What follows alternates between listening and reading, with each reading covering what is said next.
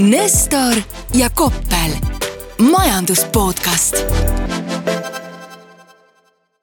tere kuulama Nestor ja Koppel podcasti, mina olen SEB majandusanalüütik Mihkel Nestor, minu kõrval on punavärava jõukuse investeerimisohvitser Peeter Koppel. Ja oleme tegemas järjekordset podcasti. käes on kolmekümnes november, õues sajab lund, Koppel driftis Bemmiga siia aga väga palju on ka põnevaid majandusuudiseid ja, ja kõigepealt tahaks rääkida siis äh, täna välja tulnud äh, viimastest skp numbritest Eesti kohta. Peeter küll juba avaldas muret selle osas, et äh, ta on siin nagu tundub jääda võib-olla nagu vähem targa mulje kui mina, aga ma arvan, et ta saab hakkama sellega. et meil tuli täna siis välja kurb teade, et kui me algul arvasime, et Eesti majandus langes selle aasta kolmandas kvartalis kaks ja pool protsenti, siis tuli välja, et langes peaaegu neli protsenti ja, ja kvartaalses lõikuses ehk siis nagu suvekuudega võrreldes oli see kukkumine ikka ka päris märkimisväärne, miinus üks koma kolm protsenti ehk siis äh, nutt ei hala ja kõik äh, läheb aina halvemini kuule, selles mõttes, et kõigepealt ma tervitan ka vaatajaid, sellepärast et ma olen aru saanud, et meid ka vaadatakse, mul oli erakordselt suur üllatus, kui ma võtsin äh, kodus, klikkisin Spotify lahti ja siis tuli väga hirmus minu suur nägu väga suurelt nagu ekraanil, aga see selleks. ühesõnaga, kas me nüüd öö, äh, oleme nüüd kohutavalt üllatunud sellest langusest, me ei saa olla ju kohutavalt üllatunud, sellepärast et mis me varasemalt rääkinud oleme, me oleme rääkinud sellest, et kõik, mis paistab valesti minevat, tasapisi valesti valesti läheb, nii, siis me oleme öelnud seda, et sügisel hakkab tööpuudus kasvama. noh, veidikene on hakanud kasvama, nüüd on vist küll juba läheneb tõkestamatult äh, talv. ja siis me oleme ilmselt ka kasutanud seda väljendit, et olge valvel, tuleb talvel ja nüüd on ta siis äh, käes, ehk siis noh, mina ei ole üllatunud, et see oli oodatust sügavam. mina olen väga häiritud, ma olen viimastel loengutel, kus ma olen käinud majandusest rääkimas, ikkagi üritanud optimistlikult rääkida, kuidas me hakkame siis nagu jõudma platoole, et põhi paistab juba ja siit edasi varsti hakkab paremaks minema, et ma pean natukene oma jälle narratiivi muutma, aga noh, see käib analüütiku tööülesannete juurde no ma olen vaadanud seda välisnõudlust ja ma olen vaadanud seda, et mis toimub noh, näiteks Saksamaal. siis ma olen vaadanud seda, mis toimub Soomes ja Rootsis. ja siis, kui vanasti oli see narratiiv, oi, see on hea sõna. nüüd tuleb veel öelda veel kontseptsioon, diskursus ja veel midagi. et narratiiv on olnud see, et ühel hetkel. Peeter on Tallinna Ülikoolis loengut võtnud peaks minema tõesti aga maskiga ilmselt, aga noh, küsimus on nagu selles, et äh, see narratiiv on ju olnud see, et ühel hetkel tulevad hiinlased ja päästavad nagu kõik ära. sellepärast, et neid on seal nii palju ja küll sealt seda nõudlust nagu tuleb. no ei paista nagu teist, ehk siis meil on kõik peamised ekspordipartnerid äh, nõrgukesed, siis on meil äh, nõrgukesed ka meie peamiste ekspordipartnerite peamine ekspordipartner ja siis on meil veel puhtjuhuslikult intressid oluliselt kõrgemad, kui nad veel suhteliselt natukene aega tagasi olid, noh, mis siit siis loota. aa jaa, ja inflatsioon on ka tegelikult nagu ikkagi noh äh,, oluliselt kõrgem, kui võib-olla tahaks. no hiinlased lubasid kõigepealt Taiwan'i ära päästa, et Eestiga nagu jääb paar riiki vahele veel. aga tõesti, et noh, selles mõttes sul on õigus, et kui vaadata ka, et kus see langus siis pärit oli, tegelikult äh, ikkagi väliskaubandus. et äh, miinus kaksteist protsenti meil siin äh, aastases lõikes, kui vaadata kaupasid, siis lausa miinus seitseteist protsenti aga samal ajal äh, noh, kõik väliskaubandused põhimõtteliselt ta võib ka meil siin jah, tõesti miinus seitseteist, miinus kaksteist langeda, aga kui me ise midagi välismaalt ei osta, et jääb ikkagi nagu rohkem raha kätte, aga Eesti impordi kahanemine on oluliselt väiksem, siis miinus kuus protsenti. ja no jälle noh, me oleme siin podcast'is seda nagu arutanud, et äh, siit ei ole mingit üllatust, et Põhjamaad seal taga olid aga ma vaatasin, põnev oli võib-olla ka see nagu statistika seal sektorite lõikes, et äh, noh, alati Statistikaameti ei väsi mind üllatamast, nad jõuavad sageli päris põnevate numbriteni. et noh, üks peamiseid, kui me vaatame, mis sektorid siis seda nagu langust väga kannustasid, on ju, et noh, töötlev tööstus, veondus ja laondus on ju, et neid samu asju peab ju vedama ringi ka. ehitus siin muuhulgas ja, ja ka info ja side. ehk siis selline meie see tuntud kasuvedur IT-sektor noh, siis tegelikult kui vaadata siis samal ajal ilmunud äh, nüüd ettevõtete numbreid, siis tegelikult seesama info- ja sidesektor, et seal peaaegu viiendiku võrra kasvas siis müügitulu. IT-sektoris kasvas lausa kolmandiku võrra ja, ja kasumid IT-s ka pluss viiskümmend kuus protsenti. et äh, no jälle sihuke, nad alati seal korrigeerivad ju selle hinnamuutustega ja no ma soovin palju õnne siis neile, kes peavad hakkama siis kalkuleerima, et kui palju on IT-teenused nagu aastases lõikes kallimaks muutunud suhtelisel skaalal ja mis on see õige kogus neid see on tõesti ilmselt erakordselt keeruline. aga oota, sa rääkisid midagi meil siin ka väliskaubandusbilansist, et me oleme ikkagi omadega ilusti defitsiidis, on ju? me oleme seekord defitsiidis jah, me tavaliselt no kaupadega me oleme alati defitsiidis, teenused meid üldiselt nagu päästavad ära, aga, aga seekord jah, et jäime ka nagu tervikuna miinusesse selle poole pealt. aga noh, samas vaata seda nagu konkreetset töötlevat tööstust, on ju äh, noh, tegelikult jällegi, kui seal nagu vaadata neid müüginumbreid, et no, kasuminumbreid, et noh, halb, aga mitte nüüd katastroofiline, et äh, miinus üheksa protsenti oli siis töötleva tööstuse müügitulu langus, miinus viis protsenti kasumite langus. aga sellest puidutööstus siis meie suur murelaps ja, ja suurim tööstusharu, et noh, seal tegelikult jah, viiendiku võrra oli see kukkumine ei, töötlev tööstus selles mõttes, sellega on kurb ja üldiselt töösturid on äh, selliste nägudega küll, et nad ei suuda välja mõelda, et miks ja kuidas saaks siit otseselt veel nagu paremaks minna. ma olen neid küll veidikene lohutanud sellega, et noh, praegu meil on intressitase umbes neli, on ju,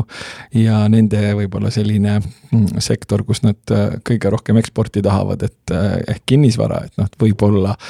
intressitase näiteks aasta pärast on kolm, et see natukene annab neile leevendust aga noh, see väga ei ole neid äh, kippunud lohutama. aga kui ma nüüd nagu sellele väliskaubandusbilansile mõtlen, siis äh, ma siin äh, nüüd esitan sulle sellise täiesti ettevalmistamatu ja suhteliselt vallatu küsimuse. et mis sa arvad, et kui ühel sellisel väiksel Ida-Euroopa riigil oleks näiteks võimalus toota Äh, ise vedelkütust. et kuidas meil siis oleks selle väliskaubandusbilansiga, et kui meil ikkagi näiteks oleks mingisugune õlitehas nafta peaks kuskilt tulema hakkama, põlevkiviõli meil ju toodetakse täitsa olemas toote portfellis? no minu teada üks äh, tehas igal juhul on pooleli hetkel, sellepärast et see olevat paha sa pead mõtlema ka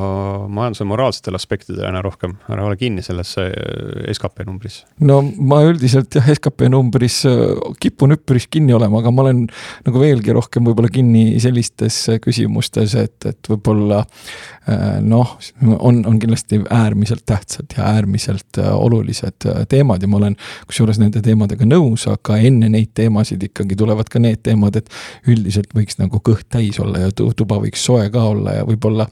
väliskaubandusbilanss võiks ka veidikene soodsam olla. aga noh, see olen mina ja mina olen keskealine meesterahvas ja teatavasti minu arvamus ei loe ei, aga, aga tööstuse ja selle väliskaubanduse poole pealt, et noh, ma mõneti olen õnnelik, et see aasta võiks siis kõige õudsemad numbrid nagu ära olla, et siis saab järgmine aasta vähemalt öelda, et äkki siis me oleme jõudnud põhja ja hakkab paremaks minema. mis, mis muidugi jällegi ei puuduta neid äh, Põhjamaade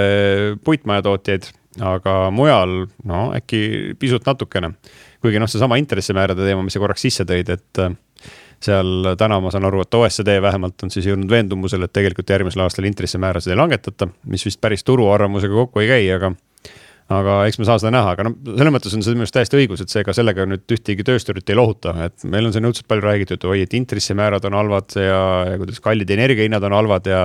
ja riik peaks üldse aitama, aga noh, kui sul on ikkagi välisnõudlus ära kukkunud täielikult, siis vabandust, et noh, seda ei ole võimalik mingisuguse energiakompensatsiooni ega null koma kakskümmend viis protsenti soodsama intressimääraga kuidagi nagu ära siluda jah, ja selles mõttes, et kuskohast nagu riigil ka see ressurss selleks aitamiseks peaks tulema, et noh, mis siis äh, tehakse, et läheks, lähed, minnakse, võetakse mingisuguselt äh, Nissan Patroliga sõitvalt metsalt, metsas elavalt Jürilt veel rohkem raha ära või? õige, õige. vale aga ei no siin maksustada saab, et äh, kui vaadata nüüd siin sedasama SKP-d saab on ju vaadata nagu sissetulekute lõikes ka, et äh, ja ettevõtete käest on võib-olla vale hetk midagi ära võtma hakata, et siin kasumite kukkumine oli äh, peaaegu viiendiku võrra, on ju, kui me vaatame seda viimast kvartalit. Aga jooksevhindades, see raha, mis siis töötajatele tuleb palgatuludena, et see oli ikkagi aastases lõikes pluss kümme protsenti, et selles mõttes nagu raha justkui jääb üle inflatsiooninumbrid on ka tagasihoidlikuks jäänud, reaalpalk äh, suureneb, et äh, justkui midagi nagu võiks ära võtta. vot äh, neid ma ei, noh, ära võtta jälle, siin ma muidugi tahaks jälle hirmsasti nagu kõike seda, mida sa just kirjeldasid. kõik, me oleme ühine pere siin Eestis, see on meie ühine raha minu rahaisik näiteks kipub olema minu raha, et ja minu meelest, ja minu meelest kõige õiglasem asi, mis üldse olla saab, on see, et jätta võimalikult palju sellest rahast, mida inimene teenib, inimesele endale kätte. aga noh, tundub nagu kõige õiglasem, aga just nimelt äh, see on võib-olla selline noh, kuidas nüüd öelda, kõik see, mida sa just kirjeldasid, ütleme viimase sellise pooleteist minuti jooksul, et seda tuleks võib-olla suhteliselt paksude tähtedega üritada kirjutada ja, ja mõista anda ka neile, kes ütlevad, et ettevõtlus peaks ühiskonda justkui rohkem panustama ja kõigil peaks olema äh, selgelt kõrgemad palgad, noh loomulikult alati peaks olema kõrgemad palgad, aga üldiselt numbrid näitavad, et vist nagu ei ole sellega kõige hullemini. ja meil viimased siin, eelmisel nädalal tulid meil välja siis äh, keskmise brutopalga numbrid, äh, jõudis siis üle tuhande kaheksasaja euro, kasv aastaga kümme koma neli protsenti et noh, tead äh,, abiks ikka raskel ajal. no selles mõttes, et inflatsioon on muidugi eriti kumulatiivselt olnud pehmelt öeldes õudne. oota, aga on sul seal mediaanpalk ka ees? mediaan oli meil kuskil tuhat viissada vist äh, ja noh, selle kasv isegi minu arust oli kiirem natuke kui see keskmise oma, et seal mingi pluss üksteist või midagi sellist. nojah, sest inimesed, ärge vaadake seda äh, keskmise, keskmist palka, sellepärast et see on põhimõtteliselt selline, et äh, mina saan null ja Mihkel saab viis tuhat ja siis meie keskmine palk on kaks tuhat viissada, et see päris noh, mediaan on ikkagi palju selgem indikatsioon. sa ei tea kedagi, kes teeniks nii vähe Äh, kui, kui mediaanpalka, oi, ma tean päris palju, kes teenivad isegi mediaanist vähem. aga mediaan on see, mis päriselt midagi ka näitab, minu arvates vähemalt. ja kui keegi kuulajatest ei tea, mis see mediaan on, siis mediaan on see, et täp-, võetakse keskelt, keskel üks isik, on ta siis mees või naine, ja täpselt nii palju, sama palju isikuid teenib rohkem ja täpselt sama palju isikuid teenib vähem ja tema on seal täpselt keskel palgateemadel, kuna me oleme mõlemad allkirjastanud siis nagu mittesolumise deklaratsiooni. me ei hakka tühistama üksteist pärast seda, siis äh, ma niimoodi intrigeerin sind, et tead, Peeter, miks ma rohkem palka teenin kui sina või? sellepärast, et sa oled noorem ja ilusam. mul on väiksem kehamassi indeks. Äh, tõsi, tõsi, tõsi ma sellega olen isegi nõus ja ma kusjuures, ma olen üks neist, kes kusjuures mõtleb enda sellele kehamassi indeksile ja ma leian, et et äh, mind tulekski selle eest natukene diskrimineerida ja mind tulekski natukene selle eest nagu togida, et mine trenni ja söö vähem ja lõpeta see tõmmukommide ja Coca-Cola nagu tarvitamine ära no.. aga nagu see diskrimineerimine on lisaks nagu ütleme, et kui sul oleks võimalik valida teine eriala, siis seda diskrimineerimist ei oleks, aga ma, millele ma siin viitan, et äh, meie ilmselt mõlema lemmikumaid ajakirjasid Economist siis äh, ülitas sellise väga vahva artikli viimata selle kohta, kuidas siis USA-s on avastatud, et kui sinu kehamassi indeks on üle kolmekümne, siis äh, keskeltläbi sellised inimesed teenivad kaheksa protsenti vähem palka kui, kui need, kellel see on siis alla kolmekümne ja noh, siis võttes arvesse mitte, et see ei ole lihtsalt mingi aritmeetiline keskmine, vaid võttes ka arvesse siis inimeste haridustaset ja rassi ja vanust ja kõike sellist. ja mida kõrgem kusjuures on haridustase, seda suurem on see nii-öelda palgaerinevus neil, kes on natukene ümaramad ja paraku allapoole ja et siin oli need, kes olid siis äh, ülikooliharidusega, teenisid lausa siis neliteist protsenti vähem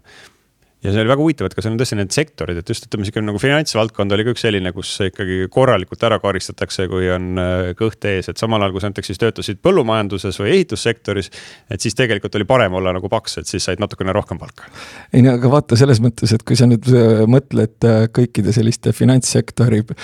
sotsiopaatide lemmikfilmi American Psycho, siis põhimõtteliselt noh, sa pidid olema fit, mitte fat, sellepärast et kui sa olid fit, siis sa jätsid tõsiseltvõetava mulje, sul oli silm selge ja tundus, et sul on olukord kontrolli all, kui sul on oma keha kontrolli all, äkki sul on ka ülejäänud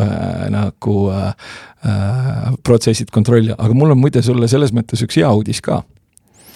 äh, hea uudis on see, et. Äh, on uue aasta lubaduse valmis mõeldud? ei, ei, ei, ei, see on, vaata, see on see, et, et kui siin räägitakse sellest, et on noh, ütleme niimoodi, et on inimesi, kellele hirmsamal kombel meeldib rääkida sellistest asjadest nagu privileegid, et kellelgi on kuskil kaasasündinud või mitte millegi eest saadud privileegid ja need kõik on nagu pahad. siis ja, ja antud juhul me räägime siis sellest, et nendel, kes on nagu madalama kehamassi indeksiga on privileeg äh, saada mõnevõrra rohkem palka, siis meil on üks väga-väga-väga hea privileeg. me oleme lihtsalt nii ilusad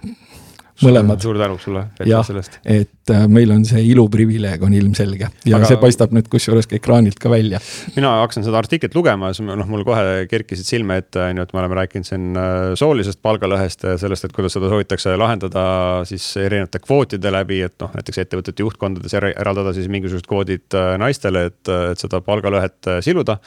mõtlesin, et noh, et kas siis saaks ka nagu selle kehamassiindeksi osas mingisugust kvoote rakendada ja noh, ma mõtlesin naljaga muidugi endamisi, aga siis ma lugesin artiklit edasi ja selgus, sellega tegeletakse juba. jah, ja seal kusjuures selle artikli puhul oli äh, hästi nauditav oli see, et kuidas see autor oli siis äh, otsustanud kõndida klaasikildudel nagu Bruce Willis filmis Die Hard. niimoodi hästi ettevaatlikult ja ta sõnastas kõik nagu väga viisakalt ja korralikult ja lõpetas selle sellise mõttega, et kuigi nagu reegleid on võimalik muuta ja teha, et siis kultuurist selliste asjade väljajuurimine on raskem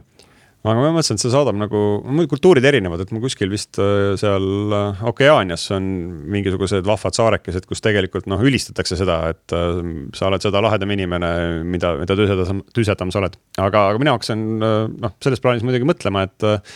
me võime päris kaugele jõuda nende regulatsioonidega sellisel viisil niimoodi, et kui me hakkame vaatama siis neid palgalõhesid siin erinevate tunnuste alusel, et no lõpuks läheb päris keeruliseks selle juhtkonna kokkupanemine ühes ettevõttes. Äh, läheb küll ja noh, ja teine asi on see, et ma, ma, ma mäletan selgelt, et ma olen igasugu kummalisi asju elus lugenud. ja ma mäletan ka ühte sellist huvitavat artiklit, kus äh, räägiti näiteks sellest, et, et üllataval kombel pidi olema näiteks äh,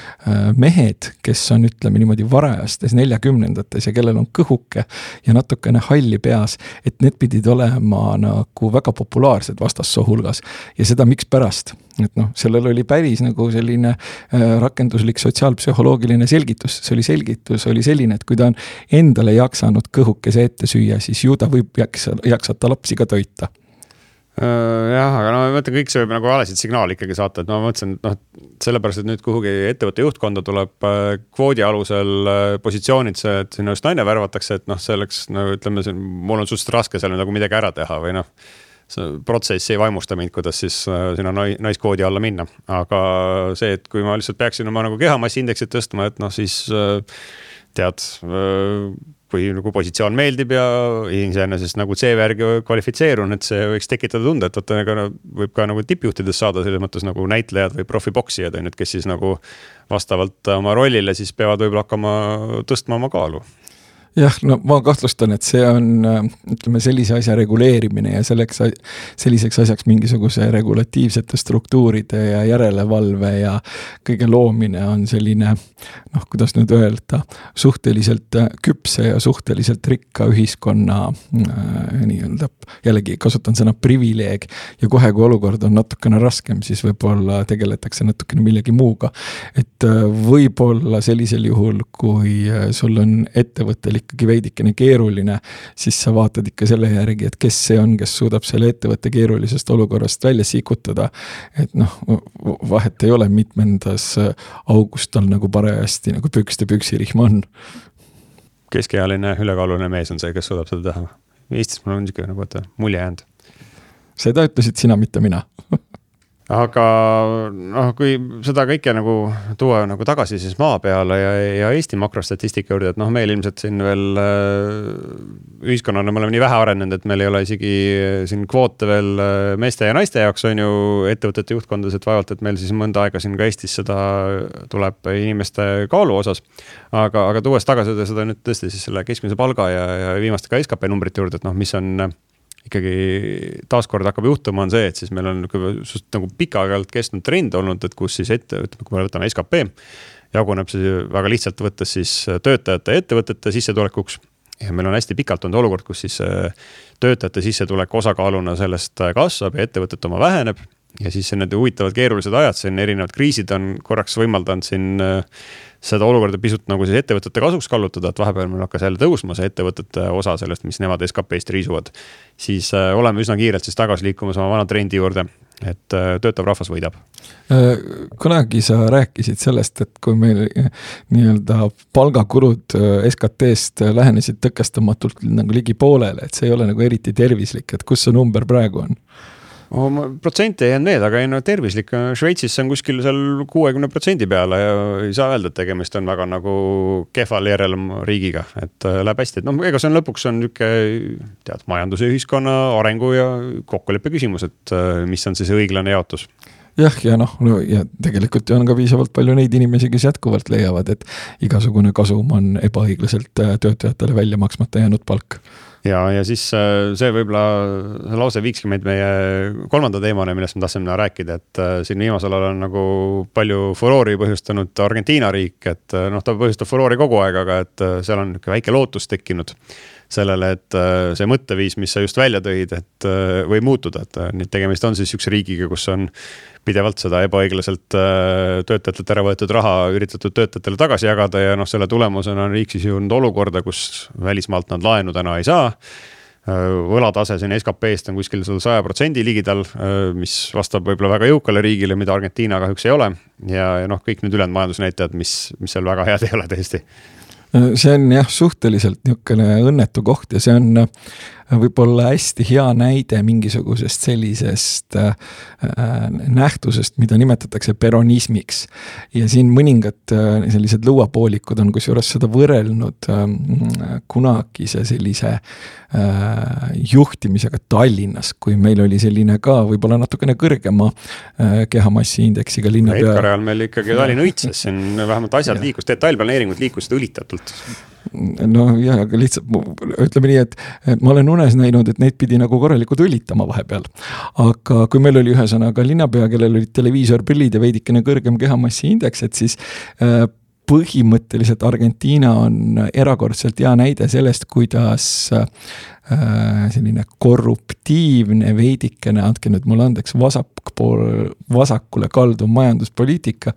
teeb siis äh, põhimõtteliselt lihtsalt riigi vaeseks. vaatamata sellele, et kõrval on mõningaid riike, kellel on läinud suhteliselt hästi. ja siis nüüd, mis on resultaat, resultaat on see, et inimestel on saanud sellest kõrini ja nad otsustasid äh, valida presidendiks kellegi, äh, kes põhimõtteliselt esindab absoluutselt nii-öelda vastandpoolt, kes põhimõtteliselt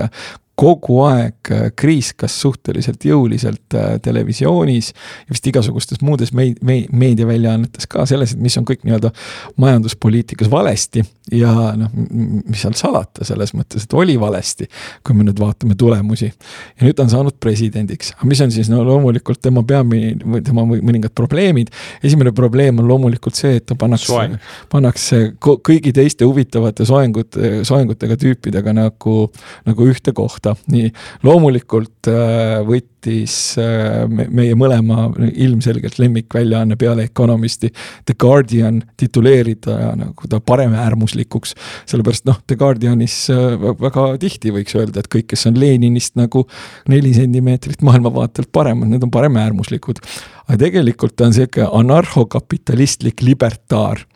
kes siis põhimõtteliselt on oma nahal võtnud kogenud seda, et mingisugune majanduspoliitiline kontekst ei toimi ja siis äh, kõrge meelelahutusliku väärtusega viisil rääkinud juttu, mis on sellele täpselt nagu vastupidine. nüüd, kui mina nagu mõtlen, et mis nagu edasi saab, siis äh, Äh, no ta peaks olema, noh, ta, ta on kusjuures veel nii-öelda majandusalal peaks olema haritud ja siis ta on ka olnud äh, Rolling Stonesi tribuutbändi äh, laulja, siis talle meeldib, väga meeldib ooper, no mulle ka väga meeldib ooper, aga minu ja tema erinevus on see, et tema proovib ka seda laulda. see ongi paremäärmuslik meelelahutus. see on ilmselt paremäärmuslik meelelahutus, sellepärast et see on ilus ja ilu teatavasti on, kuidas see oli, see on Äh, see on patriarhaalne rõhumismehhanism, äh, hierarhiline süsteem. et päri-, objektiivset ilu pole olemas, noh, mina leian näiteks, et Leon Cavallo ja Puccini ja need on loonud väga ilusaid asju. aga ühesõnaga, talle meeldib ooperit laulda, aga mitte eriti hästi ja, ja siis ta nüüd ongi selline huvitav tegelane ja mina üldiselt, mul on tema suhtes nagu kaks mõtet. et esiteks kõik see, mis ta rääkinud on, selline anarhokapitalistlik lähenemine,